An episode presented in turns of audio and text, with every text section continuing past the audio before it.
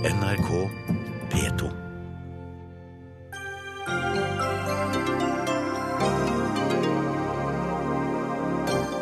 To gravide i Norge har testet positivt for Zika-viruset. Ingen gravide bør reise til Latin-Amerika nå, varsler Folkehelseinstituttet. Men hvorfor advarte de ikke tidligere? Muligheten for å tjene mye penger frister staten til å lukke øynene i korrupsjonssaker, antyder professor. Men næringsministeren avviser, kaller det en helt urimelig påstand. SSB-sjefen skrev kronikk om at norskfødte barn av innvandrere nesten er som andre nordmenn, men glemte å nevne minoritetsjentene som faller ut av utdanning og arbeid. Og legg vekk de psykiatriske diagnosene, ber psykologspesialist. En oppskrift katastro for katastrofe for mange pasienter, advarer psykiater.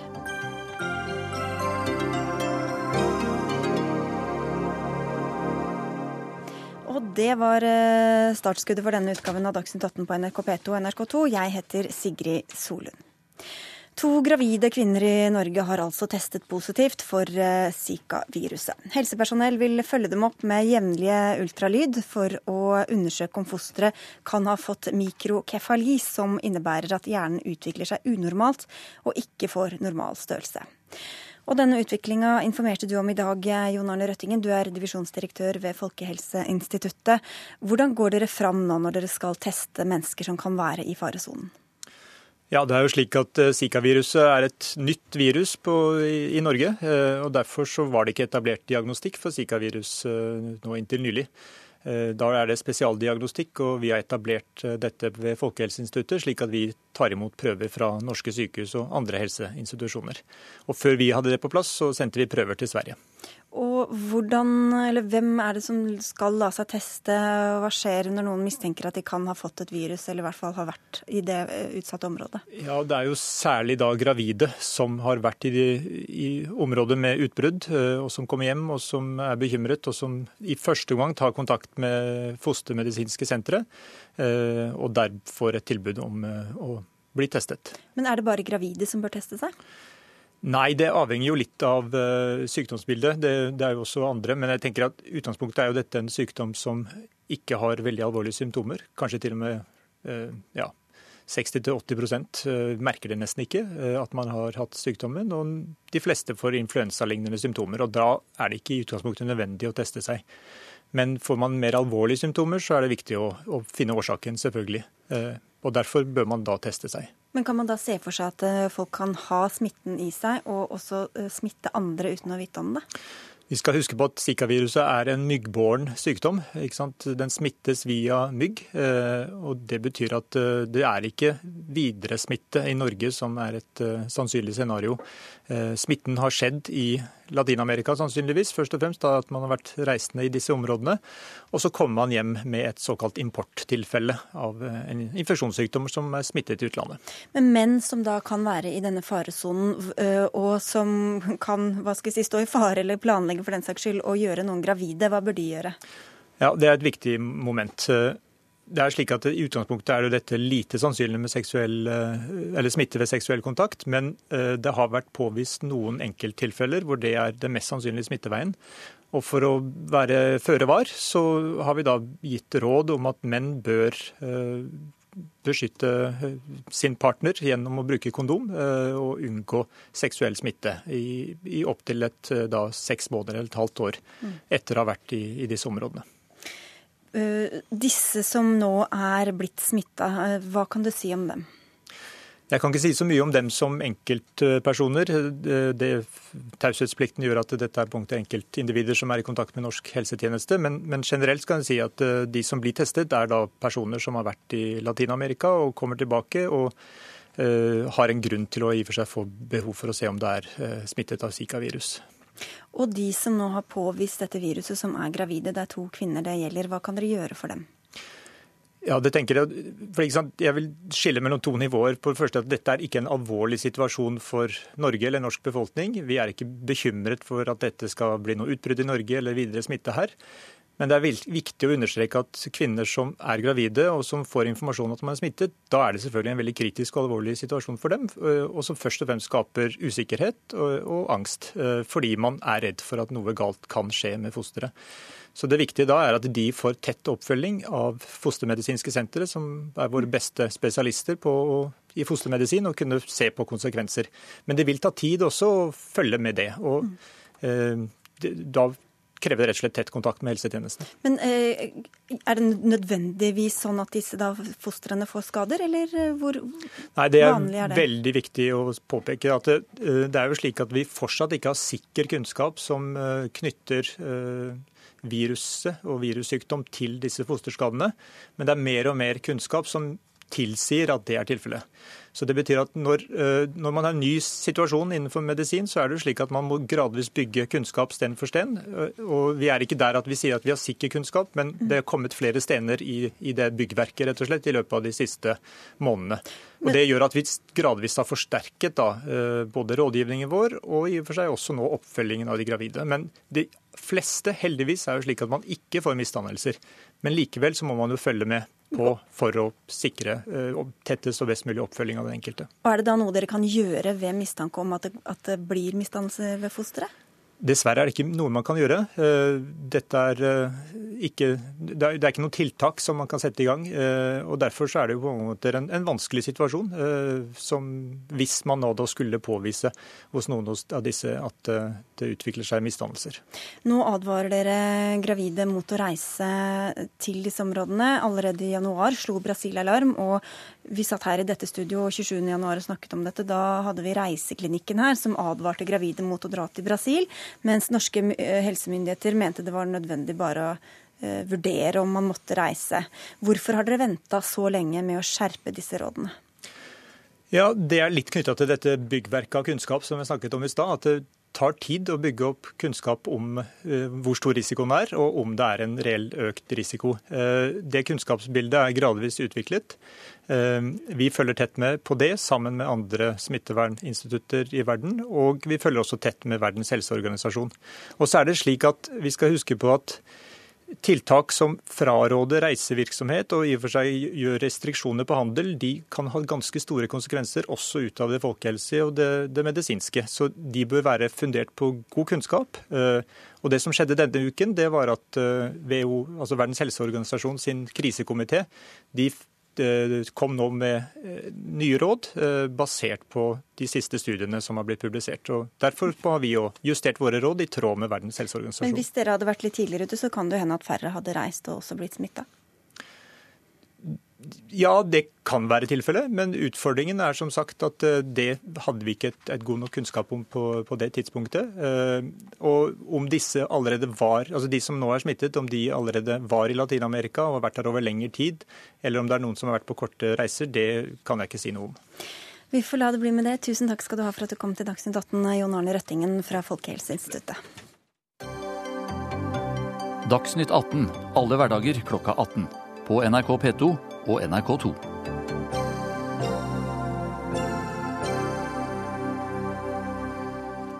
Midt i en ganske opphetet innvandringsdebatt ønsket sjefen i Statistisk sentralbyrå å fortelle hvor godt vi lykkes med å integrere flyktningene. I en kronikk i Dagens Næringsliv i går skrev hun at norskfødte barn av innvandrere er nesten som nordmenn. Problemet er at det ikke stemmer helt, for det er fremdeles store forskjeller mellom nordmenn og barn av innvandrere når det handler om jobb og utdanning. Kristine Meyer, du er administrerende direktør i Statistisk sentralbyrå. Fortell først hva du ville med denne kronikken. Altså Det poenget som var viktig å få frem, eh, det er at det er et mindre gap mellom norskfødte innvandrerbarn og majoritetsbefolkningen enn norskfødte innvandrerbarn og eh, generasjonen før, altså de som kommer som innvandrere til Norge. Og Det var hovedbudskapet. Det er fortsatt avstand mellom eh, majoritetsbefolkningen og innvandrerbarn, men den er altså mye mindre. Mm. For å ta tak i noe av det, eh, Denne kronikken baserer seg på en undersøkelse som altså tar for seg nordmenn og innvandrere, og barna til disse innvandrerne i alderen 16 til 34 år. Og Du mener at undersøkelsen sier noe om hvordan det kan gå med barna til de flyktningene som kommer i dag, at dette er overførbar kunnskap. Men hvordan kan du vite at erfaringer fra barn av eh, intellektuelle syrere eller arbeidsinnvandrere fra Pakistan eh, sier noe om barn av syriske krigsflyktninger som kommer i dag? Altså, Vi har eh, sett på land eh, der vi vet det kommer mange flyktninger fra. Eh, men det kommer også andre fra de landene eh, historisk. Og vi begynner jo nå å få et bilde av eh, barn av de første innvandrerne og flyktningene som kom til Norge. Eh, men det betyr ikke at de vil være akkurat like som de flyktningene som kommer nå. Men det gir en indikasjon på at gjennom en generasjon så skjer det veldig mye.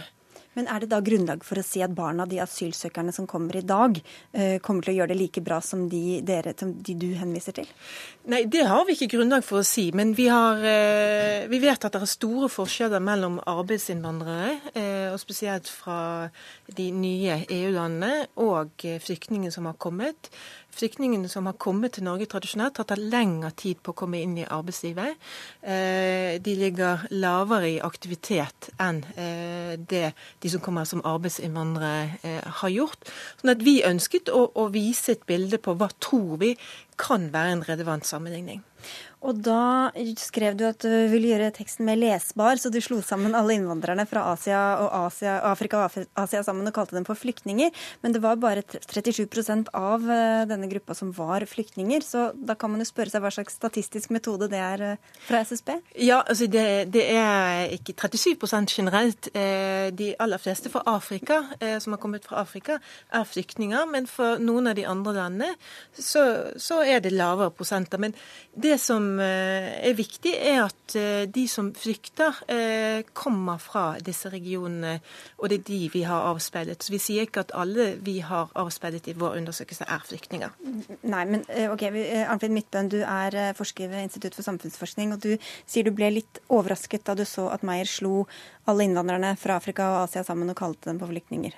Jeg ble litt overrasket over, over, det, men jeg ble først og fremst overrasket over at hun kalte den gruppa av norskfødte uh, med innvandrerbakgrunn, som også er en viktig del i denne rapporten, for barn av flyktninger.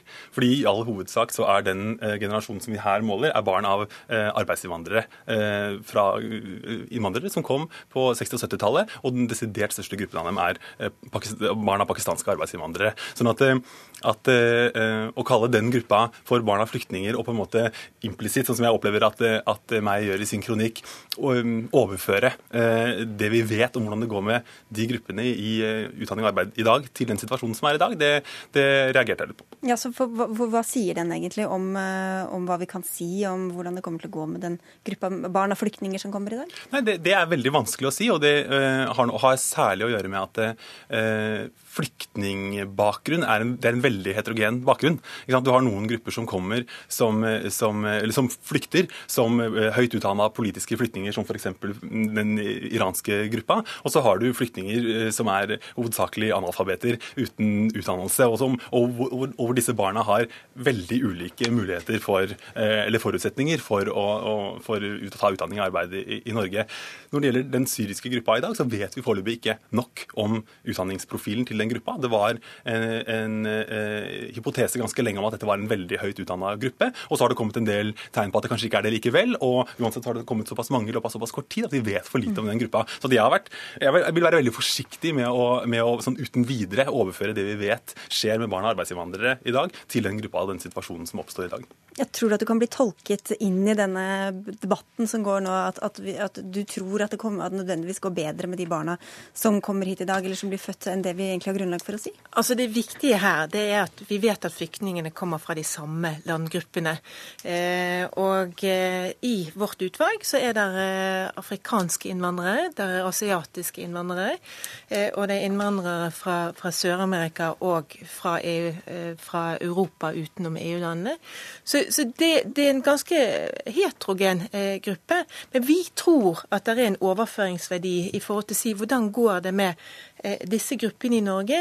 For det vi kunne ha sammenlignet med, var jo hele populasjonen. Og der ville vi tatt med arbeidsinnvandringen, som har en veldig høy sysselsetting i Norge.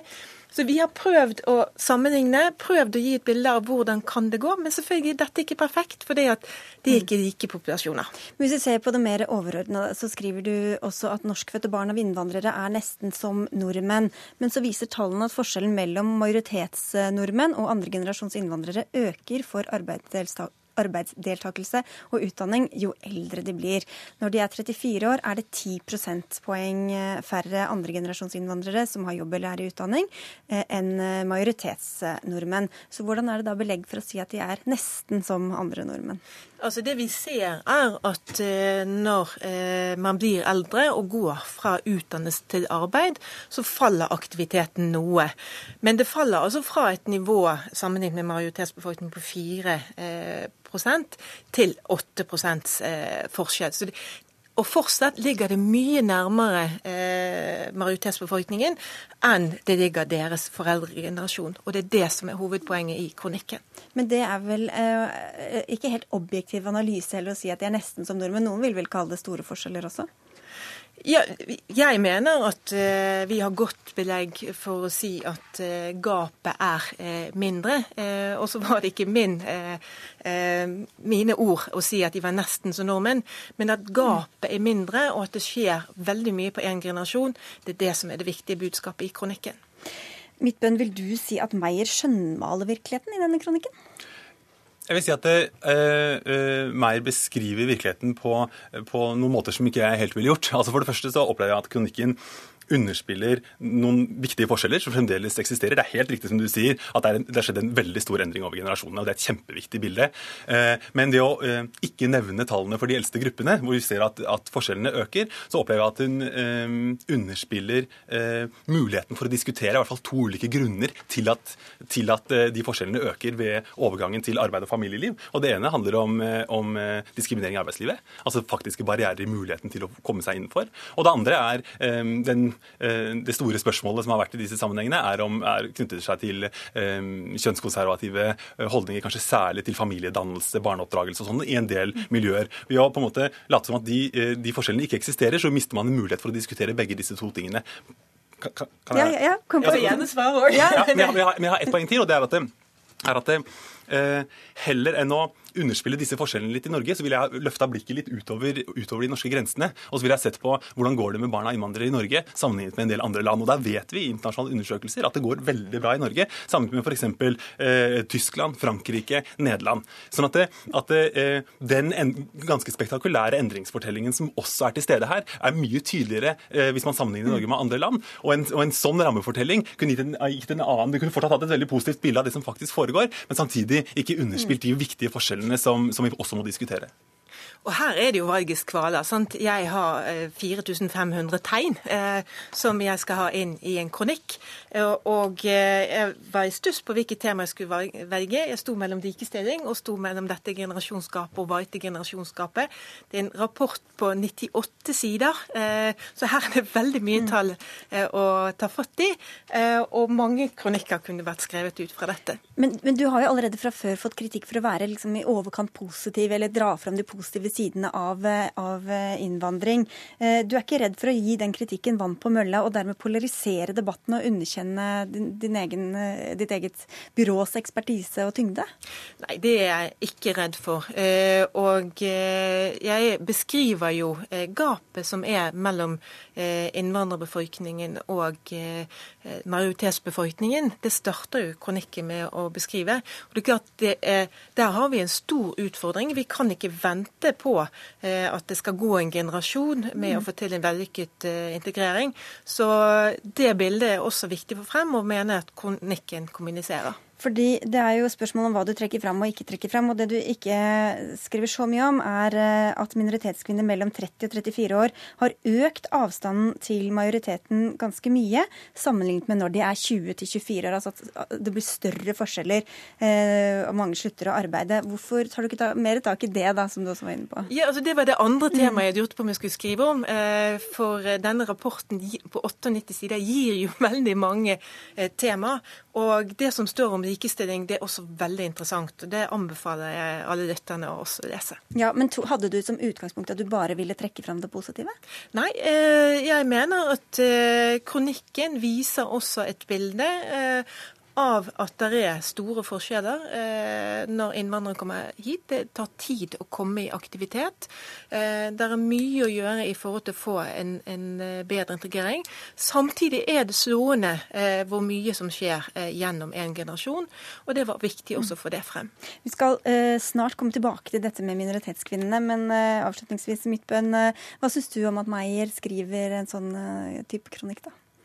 Eh, altså, det, som, altså jeg, jeg, skal, jeg, skal, ikke si noe om hvordan SSB-direktøren burde opptre i offentligheten. På, og, og, sånn, utgangspunktet mitt at jeg syns det er ganske flott at, det, at, vi har en direktør for SSB. Jeg tror SSB har, har nok blitt oppfatta som en ganske lukket institusjon tidligere, så jeg tenker det er, det er fint at SSB-direktøren ønsker og velger å ta en mer offentlig eh, rolle. Men, eh, men sånn, fra, som, som, forsker et, på et um, institutt som jo har en annen profil enn dere, så er det en liksom fremmed idé at, eh, at um, en direktør skriver en kronikk om en uh, rapport som noen andre har skrevet. Men, det, men jeg forstår at dette, er, dette har sikkert annen praksis på en SSB, på, på Institutt Hos dere ville du selv ha skrevet om din egen kronikk om din egen forskning? Egen kronikk om min egen forskning, og ikke latt min direktør eller forskningsleder gjøre det. Og SSB er annerledes. Eh, jeg har selv en forskerbakgrunn, eh, og hadde jeg vært i forskningsverdenen, så ville jeg gjort det akkurat slik. Men eh, SSB er annerledes, og vi er opptatt av å få det vi skriver om, at det skal ut og ligge på SSBs sider helt åpent. Og inn i Dagsnytt 18s studio. Absolutt. For nå skal vi fortsette med å snakke med noen av dem det faktisk gjelder, så da takker vi av dere Kristine Meyer fra SSB og Arnfinn Midtbøen fra Institutt for samfunnsforskning. For et av elementene i denne undersøkelsen som vi var innom, eh, viser altså at det er en kjensgjerning at ungdom med minoritetsbakgrunn forsvinner fra arbeidslivet og utdanningsinstitusjonene i større grad enn hva majoritetsungdom gjør. Det begynner bra, og så faller de fra. Og hva er årsaken til det, og hva kan vi gjøre med det? Mina Dampour, du er lege og samfunnsdebattant, og du er uh, født i Norge, men har foreldre fra Iran. Vi hører jo hele tiden om hvor flinke disse jentene er. De blir lege, de blir tannlege, de blir uh, advokater. Og så ligger de altså nesten 10% poeng bak majoritetskvinnene når det gjelder deltakelse i arbeidsliv og utdanning i gruppa 30 34 år. Hvorfor tror du det er sånn? Det er jo, dette er jo tallmateriale. Først og fremst så skal jeg påpeke at jeg er født i Pakistan, faktisk oh, ja. i Bushra sitt hjemland. det var eh, surr fra min side. Nei da, det går helt fint. Um, så jeg er jo det som da heter eh, førstegenerasjons innvandrer og drar vel opp statistikken eh, sånn sett. Og det samsvarer jo ikke med det bildet som her eh, kommer frem av førstegenerasjonsinnvandrere, hvor man er da 40 prosentpoeng bak da, det deltakelse. Aldersmessig er du i denne gruppa, kan du si. Da. Ikke sant, I riktig mm. kategori, som faller nærme annengenerasjons, da er det norskfødte med innvandrerforeldre. Og det eh, som er spesielt, er at det er fra alder 25 til 34 dette gapet da øker men dette er ikke mennesker som eh, går arbeidsledig. Man finner det på en måte ikke nødvendigvis i en, en av de statistiske grupp, undergruppene som er satt. Og eh, man dette materialet fra SSB tilsier jo at man må forske mer på hvorfor. Og da, ikke, da skal man ikke underspille eh, det forsker Arnfinn Midtbøen også kommer inn på, eh, diskriminering i arbeidslivet, som jo også er en kjensgjerning. Man vet at det er 25, 25 eh, prosentpoeng mindre sannsynlighet for å bli kalt inn til intervju dersom du har like kvalifikasjoner med et utenlandsklingende etternavn eller fornavn. Og en annen ting eh, som man heller ikke skal underspille, det er eh, kulturforskjeller. Altså at man kommer fra land som er oppbygd på en helt annen måte enn det norske samfunnet, og hvor man da kanskje gjerne er mer familieorienterte, skal ta vare på sine eldre. At det er skammelig å sette mor eller far på sykehjem, og at man heller Eh, da for en periode går ut for å da ta vare på de. Men dette er bare da synsing, for man kan ikke eh, utgjøre en, en slik slutning ut fra materiale fra, som SSB fremlegger. Men vi må nesten synse litt før vi får disse tallene, for det kan jo ta mange år. Bushe Isak, du er eh, lege og også samfunnsdebattant. og er andregenerasjons innvandrer med foreldre fra Pakistan. Er det riktig, eller? Ja, jeg er født og oppvokst i Norge, ja, så førstegenerasjons nordmenn vil ja, jeg jo kalle det. Ja, det er noe med begrepsbruken her også. Absolutt. Hva, hva, er din forklaring på at det blir som ja, det blir? Først av alt så syns jeg vi skal gratulere oss selv eh, med disse tallene. Eh, dette her viser at eh, kvinner med innvandrerbakgrunn ligger på rundt 70% Dette er europatoppen, eh, og det er ingen andre land som klarer å sysselsette kvinner med innvandrerbakgrunn som Norge gjør. Når det er sagt, så må vi spørre hvem denne innvandrerkvinnene er, som, SSB, eh, som er et begrep SSB bruker. For de inkluderer kvinner fra Øst-Europa, kvinner fra ikke-vestlige land. For nå, når vi har den samtalen, så sitter veldig mange og lurer på implikasjonen for dette her. Gjelder dette flyktningene som kommer til Norge? Eh, gjelder dette muslimske kvinner? Jeg vil ikke si at du kan ta en direkte overførbarhet til muslimske kvinner, for da må vi se på egne tall når det gjelder de muslimene som har lengst fartstid i Norge, og det er kvinner som meg, norsk-pakistanere. Og der har vi egne tall fra SSB som viser at norsk-pakistanske jenter tar høyere utdanning i større grad enn sine etniske medsøstre. Men så har vi en veldig sterk glasstak. Selv om vi har en bedre CV, så sliter vi å komme inn i arbeidsmarkedet markedet. Veldig mange blir ikke kalt inn til intervju, og de som blir kalt inn til intervju, blir møtt med spesielle holdninger, som spørsmål om hvor mange barn vi skal ha, når vi skal ha dem, hvem vi skal gifte oss. Og jenter får også spørsmål om de kommer til å kle seg annerledes eller ha en annen livsstil. Så det er viktige barrierer som vi må snakke om. Og jeg tenker at det er en del av den integreringen som mange snakker om. Og så vil jeg si én ting. Av de kvinnene som faktisk kommer inn i norsk arbeidsliv, så er det veldig mange av disse innvandrerkvinnene og muslimske kvinnene som opplever en dobbel belastning. Det er en diskriminering som går på det å være kvinne, det er en diskriminering på det å være eh, muslim, og det handler om daglig trakassering. Bare baksnakking, diskriminering og sosial isolering. Og veldig mange innvandrerkvinner presses ut av fagmiljøer som de har våget seg inn på. Er det noe du vet, eller? Det er noe av erfaringene veldig mange av oss sitter om. Jeg, jeg har ledet organisasjon for norske akademikere, og jeg har veldig mange ulike organisatoriske verv i muslimske organisasjoner. Jeg blitt kontaktet av jenter som spør om tips om hvordan de kan komme seg inn på arbeidsmarkedet. Og en av mine tips, tips er at ikke send e-poster eller brev. Møt opp på eh, eh, arbeidsplassene som søker etter deg. Vis hvem du er, og gi CV og søknaden i hånden. Så både samfunnet, et press eller hva skal vi si, diskriminering fra samfunnet, og et press fra familie eller kultur eller foreldre, eller hvordan det blir, Adam Poor? Eh, ja, jeg tror Det som er viktig, er at man skal ikke male et ensidig bilde. Og Denne rapporten er jo veldig spennende i, i seg selv, men man kan jo også spørre hvorfor SSB f.eks. ikke har valgt å dele inn etter etnisitet, som de jo gjør i veldig mange andre tilfeller. Mest sannsynlig så er jo det fordi tallmaterialet er for lavt. Altså I majoritetsbefolkningen så er det én million, sånn omtrentlig. Eh, de har hentet disse tallene eh, ut ifra, mens blant minoritetsbefolkningen som de snakker om, er det 30 000. da. Så det er jo, Hadde du delt det opp i enda mindre biter, så ville det ikke vært representativt. Men det er studier som også går med kulturell bakgrunn. Sosial, uh, Ida Drange gjorde en studie på innvandrerkvinner kvalitativt for noen år siden, og spurte dem, de som hadde høyere utdanning, Ønsker du å være en del av det norske arbeidslivet etter at du har fått familie og barn? Og veldig mange svarte ja. Men når, vi, når hun så på tallene, så slet innvandrerkvinner, selv om de hadde bedre CV, høyere utdanning enn sine etnisk norske medsøstre. De tjente dårligere enn eh, etniske norske medsøstre, og de hadde vanskeligheter med å få eh, fast jobb. Så Eh, det er noe av den myten at det er en kulturbetinget. For når du er 25 og 30, så er ikke foreldrene dine noe mer enn 60-50 år. Og det er ikke da den omsorgen kommer. Og hvis vi ser på mye av den nye tendensen, så mener man jo at de norsk-pakistanske jentene de er den nye 70-tallsgenerasjonen. For vi venter lengre med å få første barn. Vi lenger, venter lengre med å stifte familie. Og vi havner faktisk lavere enn våre søstre på fertilitetsraten. Og det er den nye 70-tallsgenerasjonen som vi har i dag. Ja, Eh, jeg tror heller ikke at man skal underspille det faktum at uh, man, vel, altså man, ser også at selv om uh, mennesker med altså blir, i, altså I forskningssammenheng så synes det er greit å bruke norskfødt av innvandrerbakgrunn. På en skole så synes jeg ikke man skal si det til et barn som skal ha, en norsk identitet. Men i denne konteksten så ser man jo at eh, det er også de som er i parforhold med barn, som er noe Eh, dårligere representert. Altså de er ikke aktive, står det, eh, verken i arbeid eller i, på utdannelse.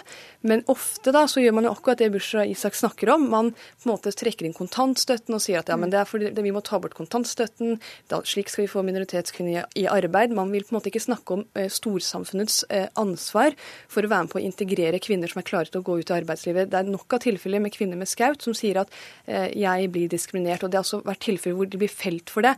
Men eh, det er nok de som også ønsker Eh, å være hjemme med barn. Og der er det viktig at innad i miljøene selv så må man ha økt oppmerksomhet rundt at dette er hemmende for likestillingskampen. For man, får, man kommer dårligere ut når det kommer til pensjonspoeng og opparbeidede rettigheter når man at, først blir eldre. Men du ser jo også at raten stiger. Noen velger ja. å få barn tidlig, og så ser man at sysselsettingen øker ved 30-årsalderen. Og det er veldig interessant. Jeg vil oppfordre SSB til å følge disse kvinnene lenger opp, for jeg tror vi kommer til å nærme oss eh, våre søstre. Det tror jeg hun veldig gjerne vil også. Vi får si tusen takk til dere denne omgang Mina Dampour og Bushra Isak.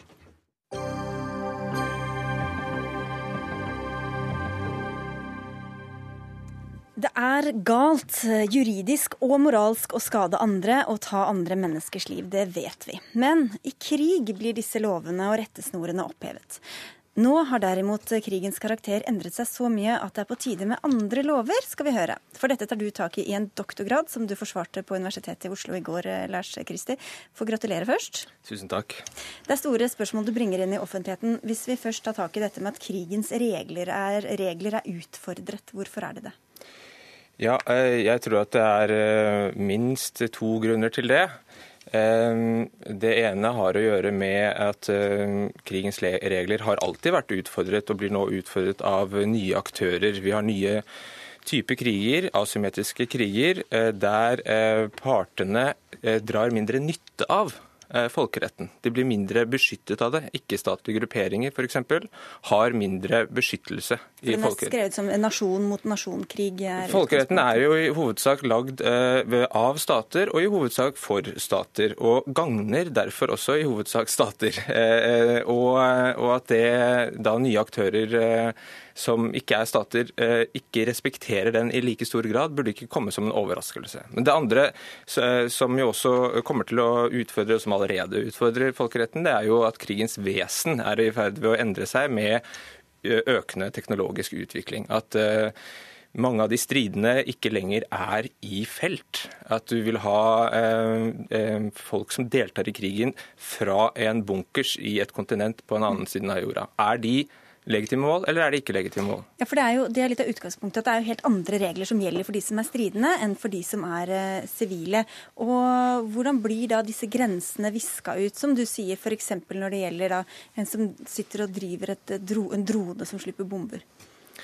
Ja, Det er jo da eh, et fryktelig vanskelig spørsmål som tvinger oss til å gå tilbake eh, og tenke over hva var det egentlig som lå bak dette skillet mellom legitime mål og ikke-legitime mål, som vi har på mange måter eh, tatt for gitt, kan man si. Det har vi jo kanskje ikke eh, akkurat, men vi har i hvert fall, eh, det har blitt respektert. Og det har vært en enighet blant parter i stor grad. Det har selvfølgelig blitt brutt, eh, dette også opp gjennom tidene. Men man må gå tilbake og tenke hva, hva er det egentlig som gjør at en er et legitimt mål. Og Én ting man kan se på f.eks. er jo da når er det sivile mister sin beskyttelse som sivile.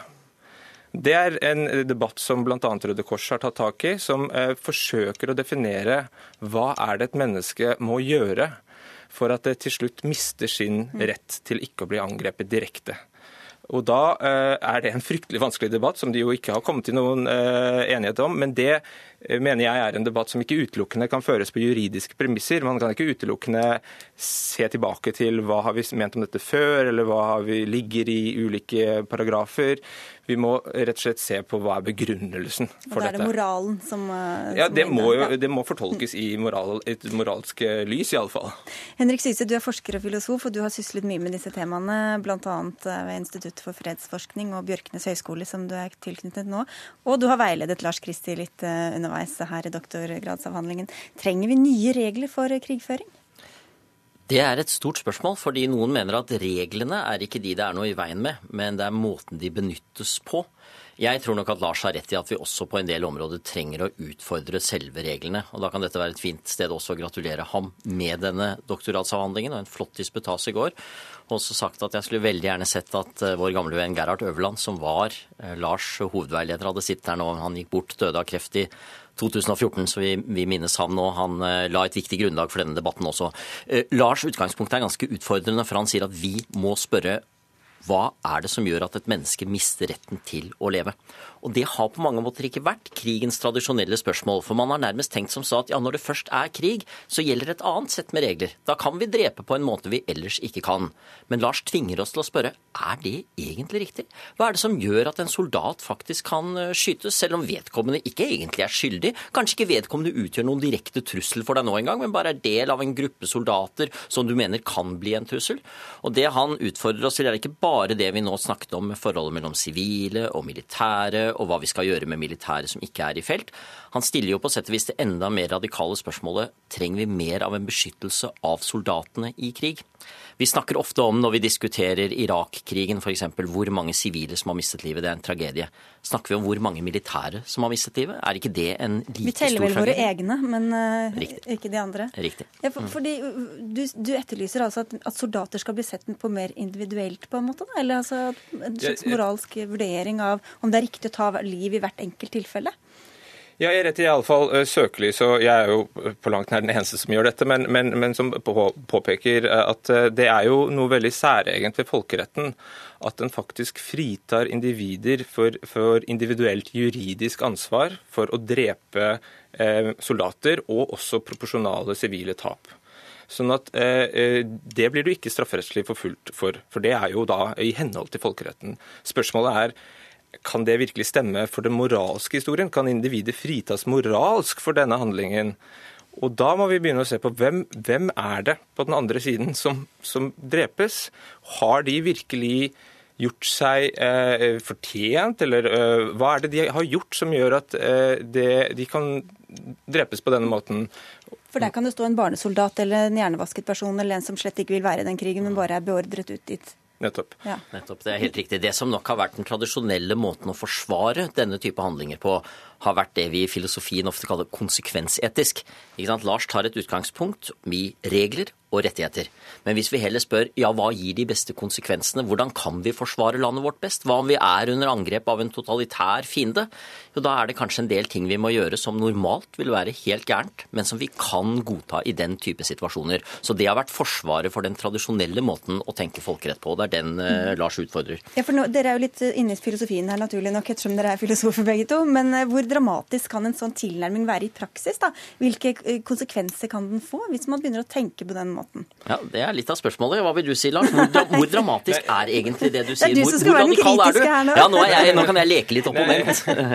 altså, ja, jeg, jeg eh, forbeholder meg ikke noe rett til å liksom, gi en endelig fortolkning av, av, av det, men uh, jeg tenker jo at uh, jeg tror ikke nødvendigvis dette trenger å føre til en helt pasifistisk konklusjon, men det, i det minste så må man tenke og kanskje også telle rett og slett, og ha en slags oversikt over hvor mange soldater er det vi dreper på denne At de skal denne. telle som liv, ja, om ikke også, på lik linje, så i hvert fall Ja, men ikke nøyaktig og ikke osv., men det at vi ikke engang har noe oversikt over hvor mange afghanske soldater, f.eks. Eh, Taliban-soldater eller opprørssoldater som er blitt eh, drept.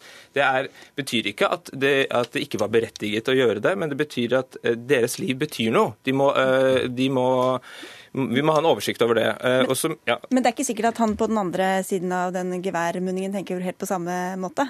Nei, og derfor er jo dette vanskelig, fordi vi er i det vi ofte kaller en ikke-ideell situasjon. I en ideell situasjon følger begge parter reglene. Men når de faktisk ikke gjør det, så ser vi at det er kanskje ting vi blir tvunget til å gjøre som vi ellers ikke ville ha gjort. Det som er imidlertid den store utfordringen her, er jo er det riktig moralsk? Om så jussen tillater oss å gjøre det, om vi så kan synes vi blir presset til å gjøre det, er det egentlig slik det bør være? Og hvis svaret på det er nei, så må vi kanskje utfordre reglene også. Ja, men I en så kaotisk situasjon som krig er, eh, hvordan skal man ta en eller annen vurdering moralsk av eh, konsekvensen av hvert enkelt tilfelle? og Nei, hver enkelt handling? det er åpenbart at, det, at det, man, man ikke kan stille sånne krav til eh, soldater som er midt i kampens hete, og som kanskje er redd for livet sitt, og som kanskje prøver å beskytte sin medsoldat, og som har enormt press på seg. Men det betyr ikke at man fra institusjonen, fra militæret eller fra, fra det offentlige side har på en eller annen måte eh, en, eh, en eller annen måte å ha en oversikt over dette. Men det har jo også selvfølgelig implikasjoner for andre typer våpen, kan du si. Altså, eh, det at vi nå i større grad Det gjelder mange vestlige land, og ikke bare vestlige land, belager seg på luftkrig. Eh, gjør jo at eh, mulighetene for eh, soldater på den andre siden kan overgi seg, at de kan overleve angrep, at det er retrettmuligheter. Det eh, blir mye mindre hvis du har en drone eh, som er, på, er din motpart, enn hvis du har en soldat som eh, er på den andre siden av åsen. Vi er nødt til å avslutte, men helt på tampen, Henrik Syse, er, er dette også tanker som beveger seg innenfor de militære kretser, eller er det dere Ja, det det. filosofene som Ja, det er det. Og ikke minst pga. utviklingen av droner og lignende type moderne våpenteknologi, så har det presset seg frem. Så nå gjelder det bare å holde presset på denne diskusjonen, slik at vi faktisk ser konsekvenser av det.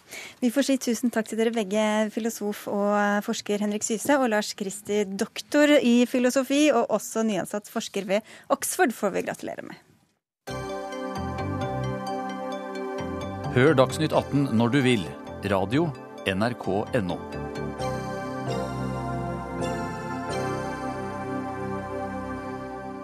Så godt som alle alvorlige korrupsjonssaker i Norge har skjedd i selskaper som er delvis statseide.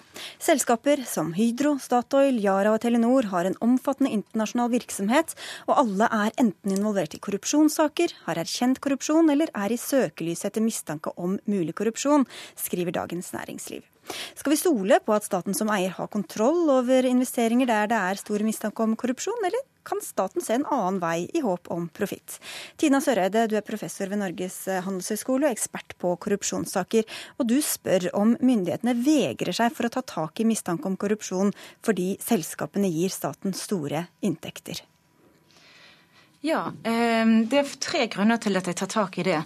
Eh, Det første er at vi som du sier, vi har mye statlig eierskap i bedrifter som opererer i, korrupsjonsutsatte sektorer i land der korrupsjon er et stort problem. Det vet vi. Vi har mye pålitelig informasjon om dette. Så det er faktisk grunn til å tro at noen av de kontraktene vi tjener penger på, er inngått ved hjelp av korrupsjon eller på en måte som støtter opp om korrupte regimer.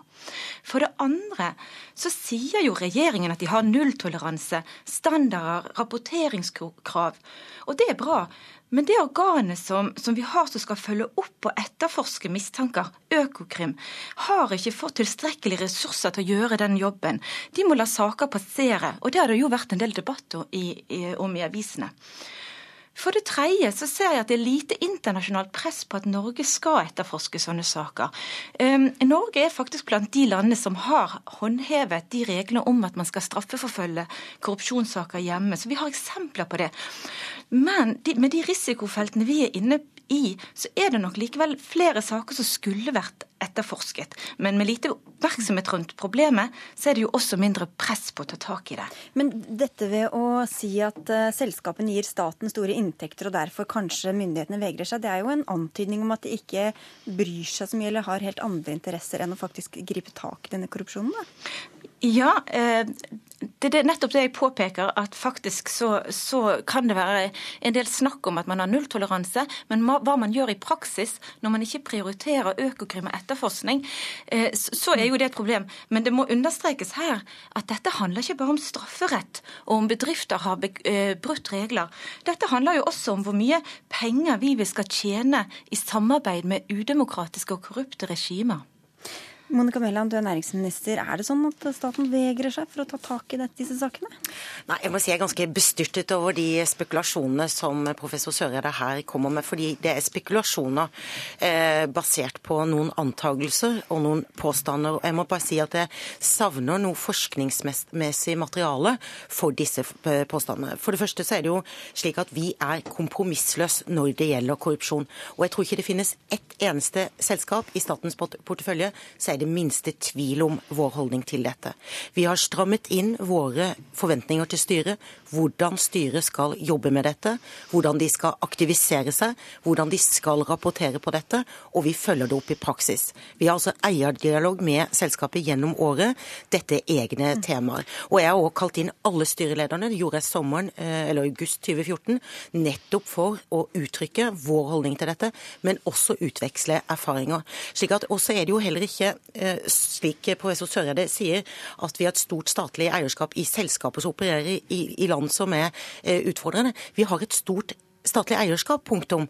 Vi er blant de land i verden som har det største statlige eierskapet. Og staten eier i de største selskapene som opererer globalt. Eh, sånn at den sammenkoblingen her er eh, for meg ganske eh, fjern. Men, men det er slik, og det er også slik når det gjelder Økokrim, at Økokrim jo nettopp har etterforsket alvorlige saker og avdekket alvorlige saker. I f.eks. Yara, som vedtok en historisk bot i januar 2014.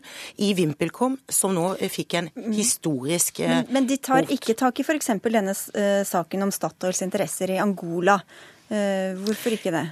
Jeg tror vel ingen av dere ønsker at vi politisk skal styre Økokrims prioriteringer. Nei, men Det handler vel om ressurser også i Økokrim? Jo, det handler selvfølgelig om ressurser og prioriteringer, og De skal Økokrim gjøre. Økokrim etterforsker jo også Kongsberg Gruppen, slik at de sakene vi kjenner, der er politiet på banen, og det er jeg veldig glad for. Dette er jo saker som ligger tilbake i tid, men som nå blir avdekket. Det mener jeg er viktig. Eh, og det er jo også slik at dette området har utviklet seg, også når det gjelder vår eierskapsutøvelse. Men vi kan jo for å begynne med det første her, Søreide. Hva slags belegg har du for å si at det kan være en eh, At, at, at staten eller regjeringa eh, tar for lite tak i disse sakene? Eh, vi har faktisk veldig solid forskning på den korrupsjonsrisikoen som er i de markedene vi opererer i. Sånn at, og de, Det er riktig det som næringsministeren sier, at, vi, at, det, at det er vanlig med statlig eierskap i disse sektorene. Så det er ikke det at eierskapet i seg selv nødvendigvis er problemet. Men vi har utsatte sektorer, og vi vet at det foregår. Men Skal man da holde seg helt ute av disse landene eller disse sektorene? Hva skal man gjøre? Nei, eh, eh, det er, men det å gjøre en grunn... Ja, noen land burde man kanskje ta den diskusjonen på. Men, men dette her er jo en, en større diskusjon om, om, hvordan regjeringen skal jobbe med dette. Det handler jo ikke bare om hva næringsministeren gjør, det handler om hvordan justisministeren får Økokrim til å fungere bedre. Det handler om finansministeren som ser pengene tikke inn. Det handler om utenriksministeren som kunne ha sørget for en tydeligere eh, antikorrupsjonsstrategi, der vanskelige avveininger mellom korrupsjon og forretningssamarbeid med korrupte regimer ble tatt tak i. Så jeg tenker jo at dette er en så politisk krevende tema at det å si at det er urimelig at man tar debatten, det kan jeg ikke helt forstå. Men det har jeg jo sagt. Jeg har sagt det er ganske alvorlige spekulasjoner som fremkommer. Eh, og det er jo ikke slik at noe selskap er i tvil om hva som er statens holdning. Eh, det professor eh, Søreide antyder i dette oppslaget, er at staten er mer opptatt av å tjene penger enn å følge opp korrupsjon. Og da må jeg bare si det er ikke riktig.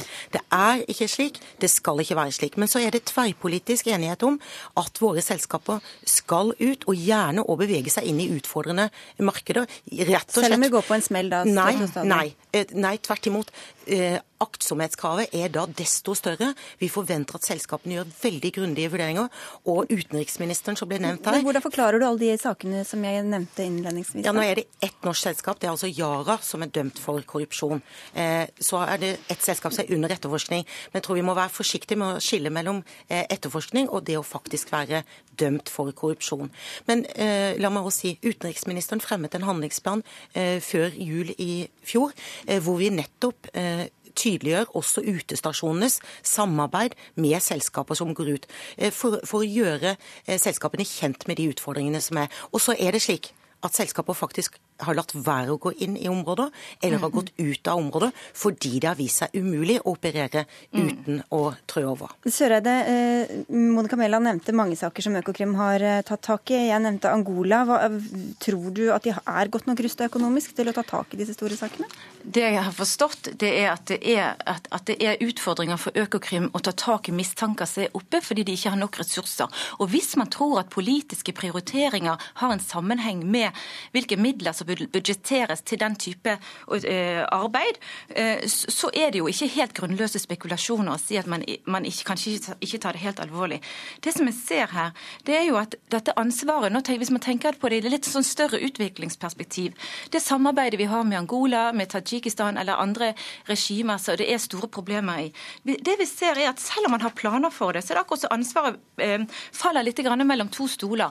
Bedriftene, ja, de skal håndheve, de skal, de skal operere innenfor regler. Og, det, og, og, de skal ikke ta tak i politiske problemer. Og Samtidig så ser vi at regjeringen, ja, de skal samarbeide med, med bedriftene, men de vil ikke ta opp polit, sensitive eh, politiske problemer i bedriftene inne. Men, men dette er jo feil.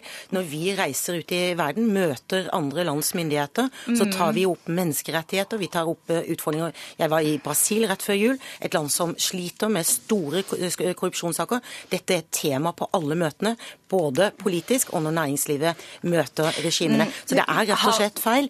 Men, men det er jo slik at Økokrim må prioritere innenfor sitt, eh, sitt område. Det gjør de. Men i både VimpelCom-saken, i Yara-saken, eh, i Kongsberg-saken, så vet vi at Økokrim har prioritert disse sakene. Men helt, helt kort, Søreide, for vi må avslutte nå. Ja, jeg bare lurer på om regjeringen har tatt opp korrupsjonsproblemene med, med regjeringen i Angola? Er dette noe som regjeringen har tatt opp okay, med oss? Santos? Svare på det helt kort. Jeg, jeg, kan ikke svare for det. Jeg har ikke ansvaret for Statoil, og jeg er heller ikke utenriksminister. Men på generell basis kan jeg si vi tar opp disse problemene. Disse er fast innslag på alle våre møter med land som har disse utfordringene. Ja, vi er nødt til å avslutte der. Tusen takk til dere begge. Tina Søreide, professor i NHO, med fra Bergen, og Monica Mæland, næringsminister.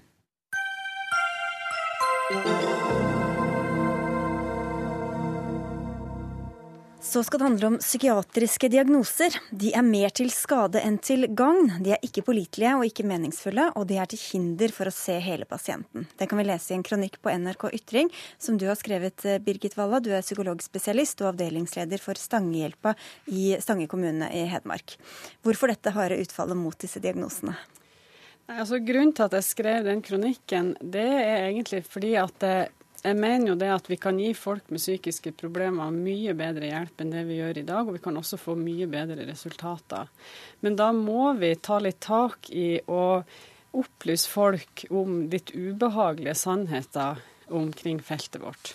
Eh, og Det handler jo bl.a. om den misoppfatninga som folk har om hva de her psykiatriske diagnosene egentlig kan stå for, og hvor godt utgangspunkt de egentlig er for å gi hjelp. Ja, fordi Du mener det er tvert imot ikke til hjelp, men til hinder. Hvordan det, kan det være til hinder for å gi god nok hjelp til pasientene? Eh, mange som kommer til oss, eh, også i kommunen, har jo fått mye hjelp fra eh, andre systemer før. Og det de forteller oss, er at eh, de eh, savner å forta få fortalt hele sin historie. Eh, at det blir for fort snevra inn på noe type symptomer. Og at den bakenforliggende årsaken til mye av de problemene de har, kan bli borte. Mm. Fordi at fagfolk tar på seg de brillene som de gjennom de her diagnosene, og så ser de ikke hele hele mennesket, rett og slett. Men samtidig så hører vi jo stadig historier om folk som sier sånn at det var en lettelse å få en diagnose etter mange år med symptomer, eller visste ikke ja. hva det var, å høre at det finnes kanskje hjelp, det finnes andre som har det på samme måte. Ja, det er helt riktig, og det er det mange som har sagt til meg også. Men, og, og den opplevelsen har jeg også selv hatt, for jeg har også vært en del av eh, det systemet som gir den type hjelp. Men folk ønsker en forklaring på de problemene de har. Og da blir diagnosen den type forklaring. Eh, og på kort sikt så kan det oppleves som en veldig lettelse. Men det vi ser, og spesielt etter jeg begynte å jobbe i kommunen, er det at på lang sikt så blir ikke det her like nyttig. Fordi at det gjør jo noe med folks identitet å få de her diagnosene, og hvordan de ser på seg sjøl. Eh, og så oppdager de jo det at eh, det løste seg ikke nødvendigvis selv om de fikk den diagnosen. Spesialist i psykiatri Tor Kvakstad, du er også daglig leder ved det private behandlingsselskapet Psyke. Du sier at Valdas ideer her kan legge liv i grus. Hva mener du med det? Ja, Det er jo fint å høre at hun mener at det er ting som må gjøres annerledes i psykiatrien. For utredning og behandling kan bli bedre. Men diagnose er noe man trenger for å klare å hjelpe pasienter, for å finne ut hva slags hjelp man skal gi den spesifikke pasient. Og tar vi bort diagnosen, så tar man bort et virkemiddel som vi er ment til å, å bruke, som offentlige myndigheter har sagt at vi skal bruke. Uh, muligheten til å kunne gi legemidler vil bli borte hvis man ikke har noen diagnoser å forholde seg til, fordi legemidler skal gis ut fra indikasjon som er en diagnose. Dvs. Si man får tilstander hvor pasienten ikke får legemidler. Man vil få pasienter som vil gå gående med psykoselidelser i lang tid utenfor behandling. Man vil må ta i bruk tvangsmidler, reime tvangstør, og man vil bringe oss tilbake til asyltiden eh, med uverdige forhold. Det vil eh, dette innebære. Ja, det er jeg jo helt uenig i. Eh, for du frykter heller ikke mindre medikamentbruk, tvert imot? Det er jo ikke sånn at for lite medikamentbruk er et problem i samfunnet i dag. Tvert imot. Det er jo en overmedisinering som er problemet. Eh, og det, eh, Problemet er også det at gjennom alle de her årene vi har fått flere og flere diagnoser, vi har fått flere og flere medikamenter, og likevel så greier vi ikke å hjelpe folk bedre nå enn det vi gjorde for 50-60-70 år siden. Så det, det fungerer ikke Eh, på den måten som han hevder at folk får bedre hjelp nå pga. medikamenter og diagnoser. Tvert imot, noen får, eh, får, det verre. Og språket vi snakker som fagfolk, og språket som eh, befolkninga har av sin opplevelse av, av problemene, har blitt, det gapet har blitt større eh, gjennom de årene som har gått, fordi at vi har fått eh, flere diagnoser. Og Så kan man jo spørre seg både om eh, diagnoser setter folk i bås, og ser, at man ikke ser hele pasienten, som vi var inne på her. Og også eh, med diagnoser så kommer det også feildiagnostisering og også feilmedisinering. Ja. Altså Vi i Psykia er veldig opptatt av at vi skal sette riktige diagnoser. Og, og i Norge så bruker man for liten tid, man har det for travelt. Det brukes ikke nok tid, man er ikke systematiske nok, og diagnoser blir satt feil. Og man kan bli satt i feil bås, og det er selvfølgelig veldig vanskelig. Men Hvorfor er det så viktig å bli satt i den båsen i utgangspunktet? Det er ikke en bås, det er en beskrivelse av symptomer som eh, beskriver bestemte lidelser. F.eks. psykosesymptomer, f.eks. symptomer på mani. Man må vite hvordan man skal behandle dette for å klare å takle symptomene. Eh, uten å ha en diagnose, så vil jo alt falle. Hvem skal bli tvangsinnlagt, hvem skal ikke bli tvangsinnlagt? Hvem skal uh, gis medisiner mot psykose, hvem skal gis medisiner mot angst, hvem skal gis medisiner mot ADHD? Det blir jo helt et sjansespill. Uh, og resultatene av ikke ha diagnose vil si at egentlig hele behandlingen, spesifikk psykologisk behandling mot spesifikke tilstander, vil jo falle helt fra hverandre. Man bringer oss tilbake til, uh, til tiden hvor man ikke hadde medisiner, og pasientene ble tatt hånd om med reimer og, og tvangstrøyer. Vi har jo snakket mye om at, eh, kan, at, det er for mye diagnostisering av lette lidelser, altså lett angst, lett depresjon osv., som, som andre mener at bare er egentlig vanlige menneskelige reaksjoner og følelser. Men hvordan kan du mene at det også skal gjelde for de tunge diagnosene, altså for eh, forskjellige ja. schizofrenidiagnoser ja. osv.? Og jeg har også gått den veien. Og så er eh, Han får det til å høres ut som at alt er så mye bedre nå. Folk blir også lagt i reime i dag med tvang. Bare sånn at det er sagt. Det er ikke som om at det har blitt borte. Um, men det som er at man må se litt, mer, litt større på det her. Og jeg har også gått i rundene. Kanskje vi bare skal ha noen diagnoser, de mer alvorlige diagnosene. Men jeg har snakka med mange mennesker som også har alvorlige problemer med stemmehøring, med at de har eh, forestillinger om ting som ikke er der. Massiv angst, mye problemer. Og de ønsker, ser også at de her diagnosene ikke er bra for dem. Og det er ikke noe vanskelig å jobbe. Altså Folk som har vært de, Fagfolk blir så fanga av det her systemet at man ser ingen andre løsninger. Man tror at det, det, faller i grus hvis ikke det er der, men det gjør ikke det. For det fins rundt om i verden, vi vet at det fins andre måter å hjelpe folk med de her problemene på som gir mye bedre resultater på lang sikt. Og det her er et, man må greie å forestille seg noe annet, mm. eh, og ikke bli så fanga i at dette er den eneste løsninga som går an å få til. Fordi det her gir ikke gode nok resultater, og det må man se på, litt,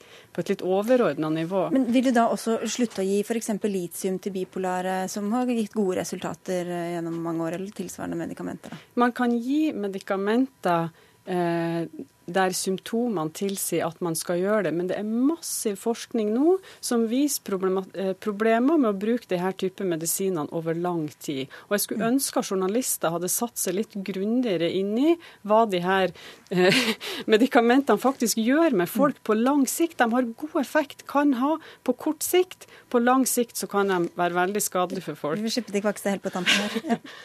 Altså, det er ikke noe enten-eller i dette temaet her. Å løse problemene i behandling av pasienter med psykiske lidelser, det løser man ikke enten med bare å sette dem på medisiner eller bare ta bort diagnosene. Nå er det slik at Litium er preparat som ble lansert for psykiatrien på rundt 50-tallet, tidlig på 50-tallet, og har dokumentert effekt mot selvmord. Eh, pasienter spares eh, for lidelse med å bruke disse medisinene. Det er godt dokumentert, det er ikke noe legemiddelindustri inn i bildet for det medikamentet. Og, og, effekten er på en måte helt åpenbar. Vi er nødt til å avslutte der, dessverre. Takk skal dere ha, begge to, Birgit Walla og Tor Kakkestad. Man kan eh, følge debatten på NRK Ytring og delta der. Dag Dørum, Lisbeth Sellereite og jeg, Sigrid Solund, takker for oss og ønsker en god kveld videre.